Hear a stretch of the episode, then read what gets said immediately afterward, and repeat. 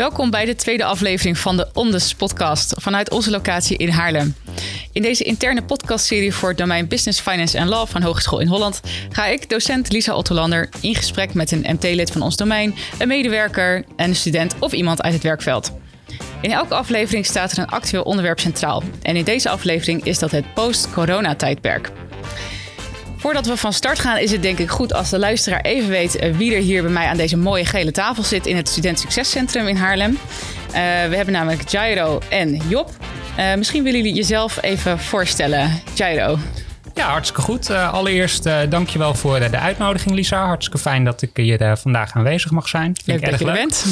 Um, nou, mijn naam is dus uh, Jairo Seur. Ik ben 31 jaar. Nou, ik ben, ik ben sinds oktober 2020 ben ik werkzaam bij In Holland in de rol als HR-adviseur werving en selectie. Van waaruit ik mij bezighoud met de recruitmentondersteuning bij diverse domeinen, waaronder ook het domein van BFL.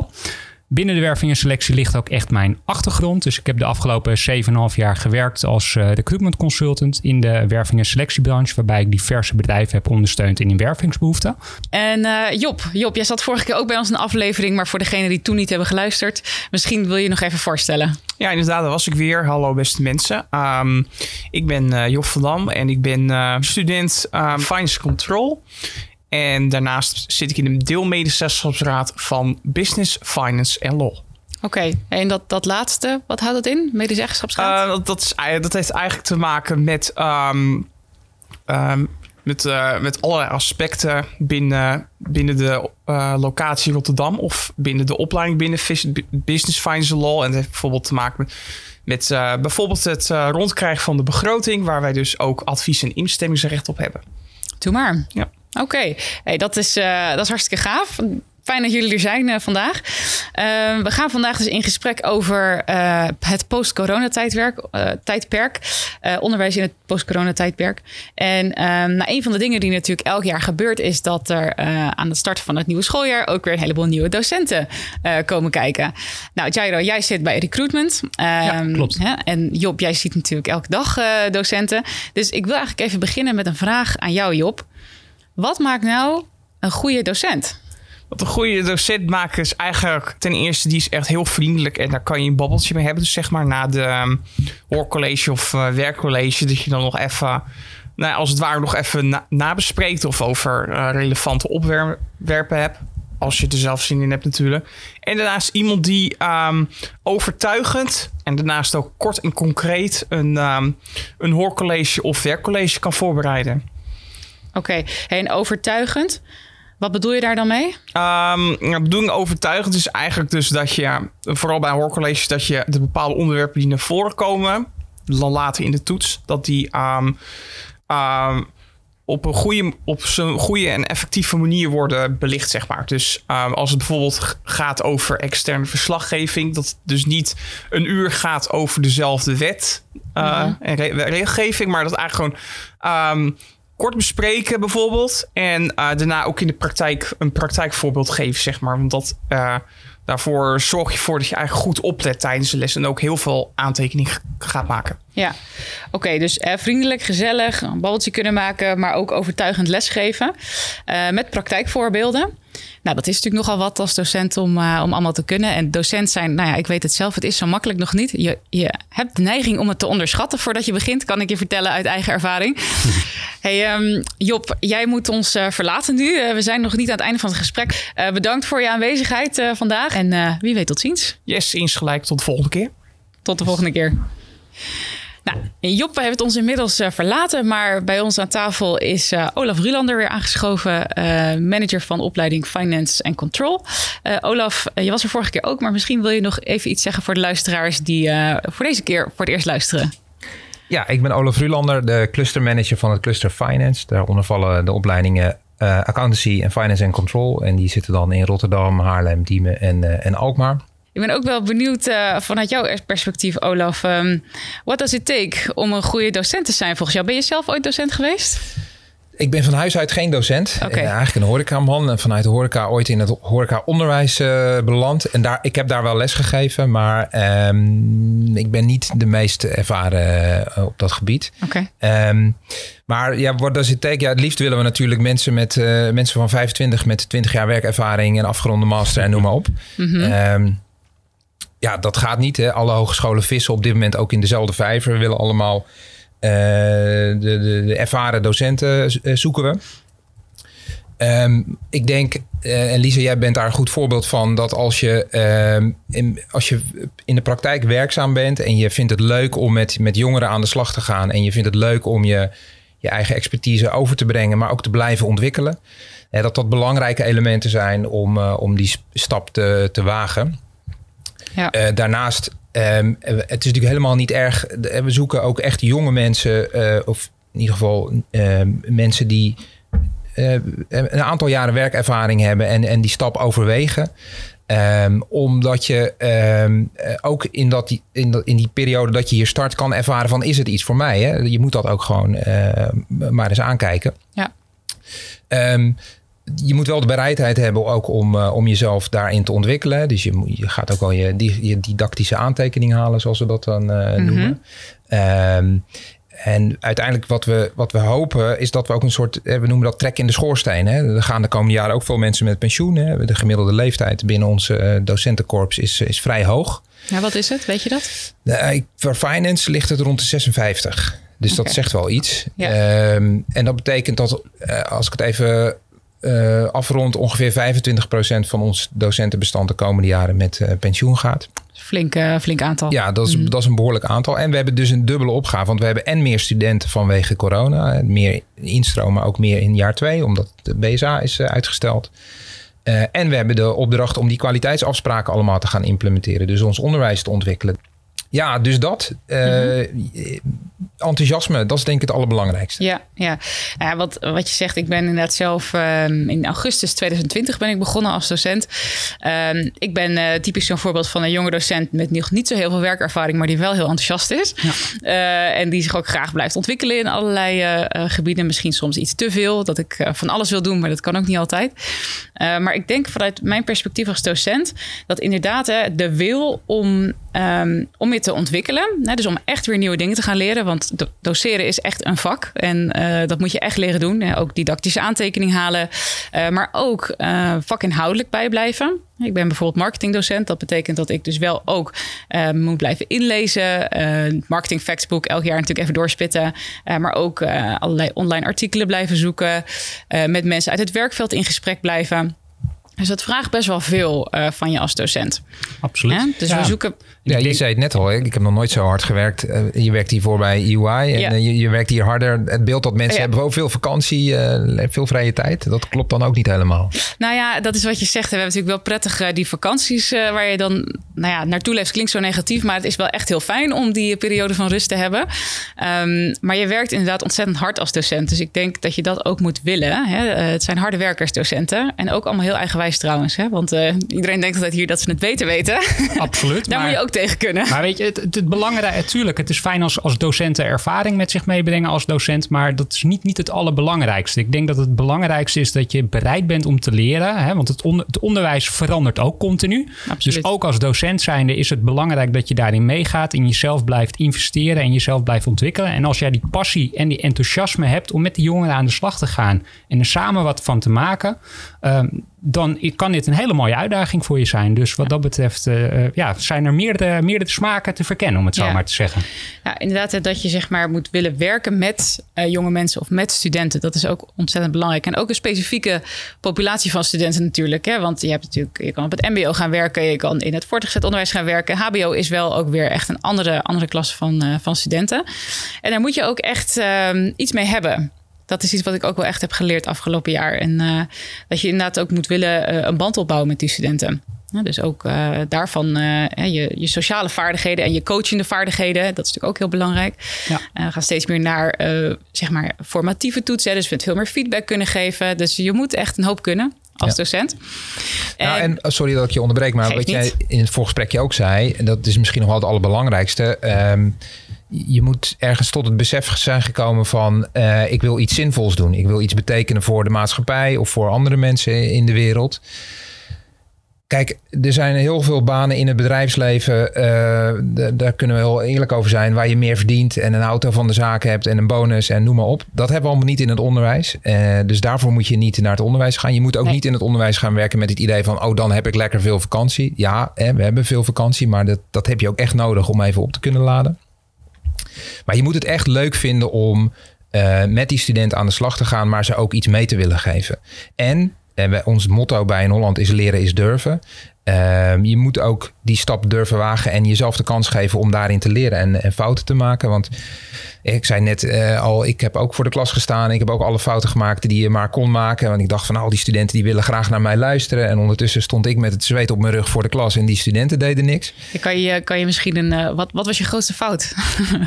nou, dat ik, dat ik uh, dat, dat naarmate de studenten minder deed, ik harder ging werken. En die studenten die zijn natuurlijk niet gek. Die zagen dat. Die dachten van nou, nou het komt wel naar me toe dan. Hè? Ja, ik ga ja. wel zitten luisteren. Um, en dat was nog wel een andere tijd hoor. Um, tegenwoordig uh, zitten de studenten bij wijze van spreken achter in de les te, Netflixen op hun telefoon. Dus het is nog moeilijker geworden. Um, maar je moet, dat, je, moet, je moet het echt leuk vinden om daarin te gaan leren en jezelf te ontwikkelen. Je moet een sprong in het diepe durven wagen en uit je comfortzone willen stappen. Ja, en je zei net ook heel mooi. We hebben natuurlijk leren is durven hier bij, uh, in Holland. Uh, wat betekent dat eigenlijk voor docenten? Leren is durven. Nou ja, dat zou je dan eigenlijk aan jezelf moeten vragen. Maar ik denk dat als je het mij vraagt, hè, ik, ik ben dan uh, leidinggevend of, of management. Um, kijk, ik, ik denk dat uh, uh, wat voor, voor, docenten belangrijk is, wat ik net al zei, dat je echt jezelf, je, je moet jezelf kunnen vergeven in het feit dat er heel veel dingen verkeerd gaan. Er gaan heel veel dingen verkeerd, maar daar leer je van. Ja. En de kunst is dat je ervan leert. Um, en uh, dat, dat enthousiasme wat je hebt, moet je daar niet door verliezen. je moet, je moet uh, accepteren dat, dat je uh, daar tegenaan gaat lopen.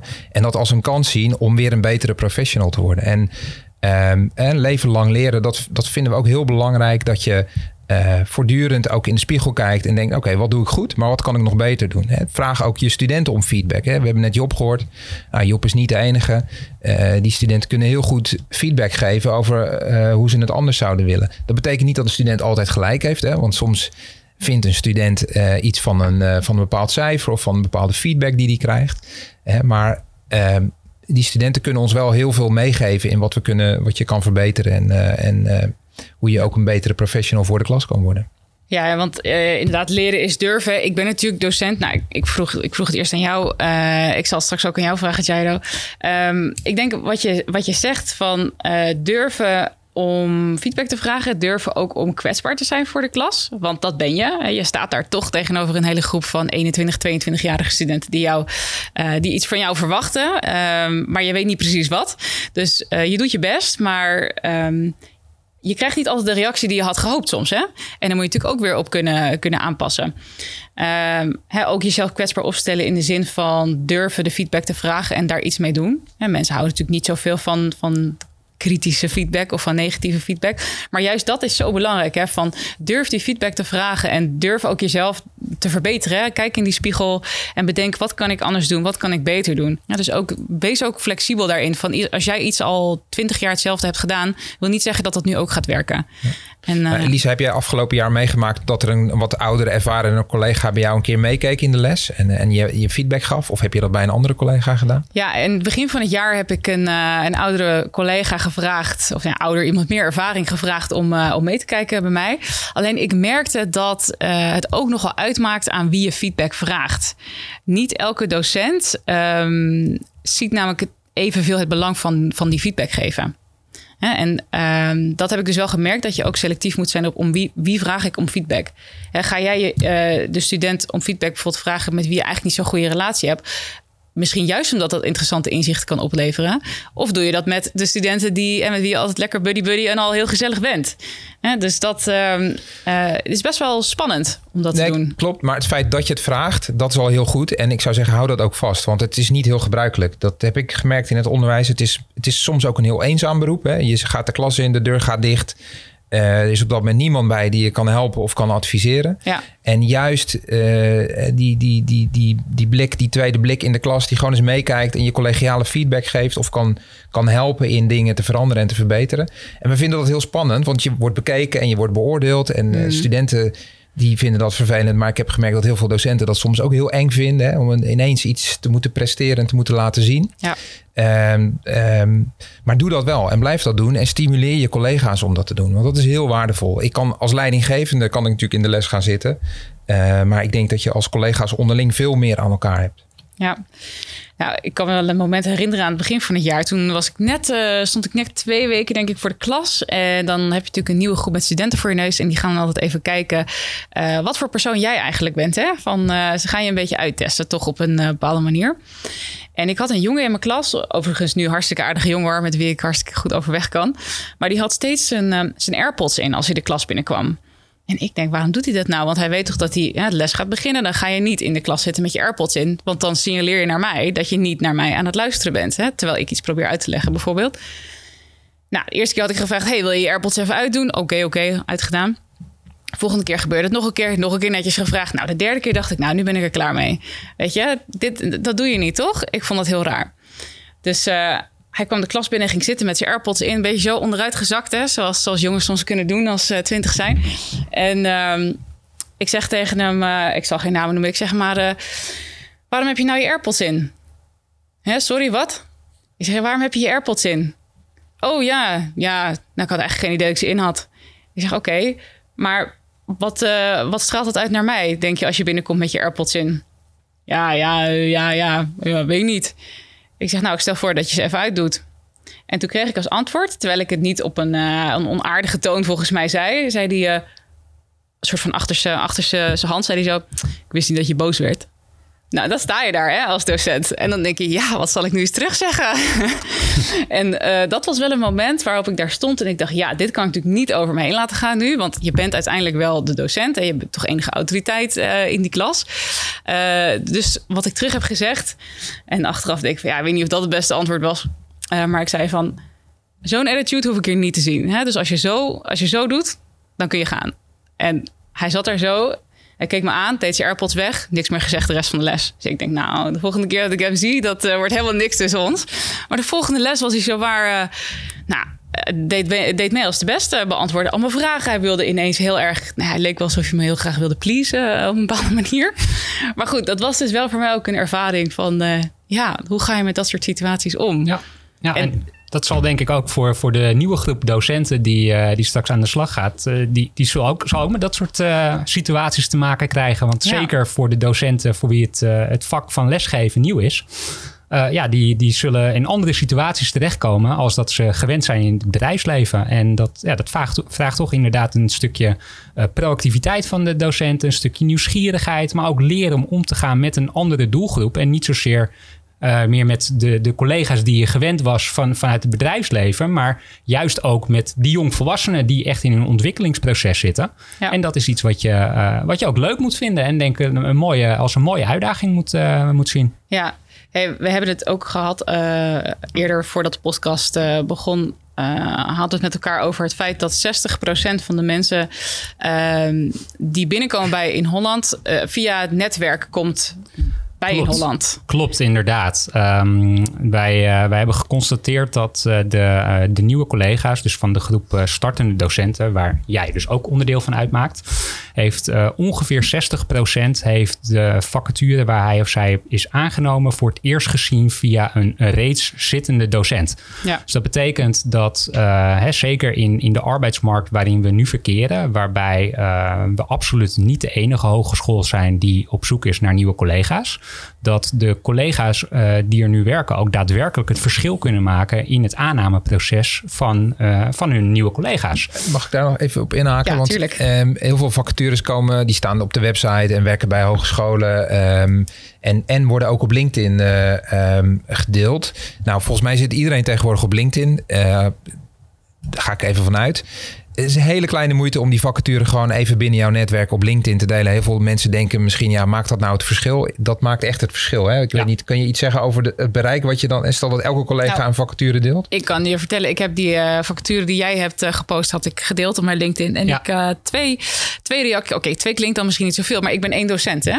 Eh, twee mensen die mij hebben gevraagd of ik daar meer over wilde vertellen. En dat, eh, dat heb ik gedaan. Dus eh, ja. Ja, Nou ja, dus klopt. delen. Ik, ik denk inderdaad, eh, wat dat betreft, de kracht van het netwerk is, is soms groter dan dat we ons eh, realiseren. Ehm, hè, ja, eh, uiteraard zijn er verschillen daar, maar veel van de docenten die zullen op hun LinkedIn-netwerk een, een, bereik hebben van circa 500 of misschien soms wel 1000, eh, 1000 relaties.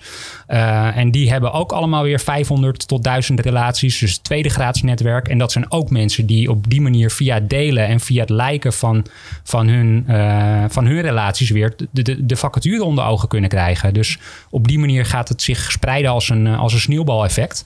En nou, wat Olaf zegt, kleine moeite met eh, mogelijk een, een groot resultaat. Ja, en, en denk in je eigen belang. Hè? Want eh, we, we merken allemaal, eh, de, we zien het in de medewerkersonderzoeken, de, de werkdruk is hoog. De- ik, ik heb slecht nieuws, die wordt alleen maar hoger op deze manier. Hè? Meer studenten, kwaliteitsafspraak. Dus we hebben ook echt gewoon die, die nieuwe mensen nodig. Dus eh, je doet jezelf ook een plezier als je het deelt en, eh, en straks weer een paar leuke nieuwe collega's in je team erbij hebt. Om het werk en de werkdruk met elkaar eerlijk eh, te kunnen verdelen. Docent worden fulltime, dat is nogal een overstap. Ehm, ja, de, de vrouw van Olaf, eh, hebben we het ook eerder over gehad, is ook in het onderwijs gaan werken dan in het eh, primair onderwijs. Dat is echt iets heel anders. Ehm, maar hoe zou je dat dan hybride moeten doen? Want hè, een, een baan hebben of een eigen onderneming en dan nog docent zijn. Ja, dat, dat vormt inderdaad, dat kan een uitdaging vormen. Uh, dus het is heel belangrijk dat, uh, hè, dat mocht je die stap overwegen, dat je voor jezelf goed, goed nagaat van hè, wat, wat is ten eerste haalbaar. Uh, wat zou ik willen doen binnen, binnen het onderwijs? En op basis daarvan ook uh, kijken van hè, wat, wat kan ik daadwerkelijk uh, realiseren? Wat kan ik, wat kan ik toevoegen aan, aan, de, um, aan het onderwijs op vakinhoudelijk gebied? Ja. En dat kan zowel in een, in een- contractvorm zijn van één dag, twee, dag, twee dagen per week. Dat is net even een beetje afhankelijk van de persoonlijke situatie. En ook waar net de ruimte voor is op dat moment binnen, binnen de teams. Maar advies is, ben je geïnteresseerd? Um, overweeg je die stap om te maken? Um, maak je interesse kenbaar. En dan zullen we uh, hè, middels, middels gesprek... uh, zullen we de mogelijkheden gewoon gaan ontdekken. En dat, Ja. dat is een gezamenlijke effort.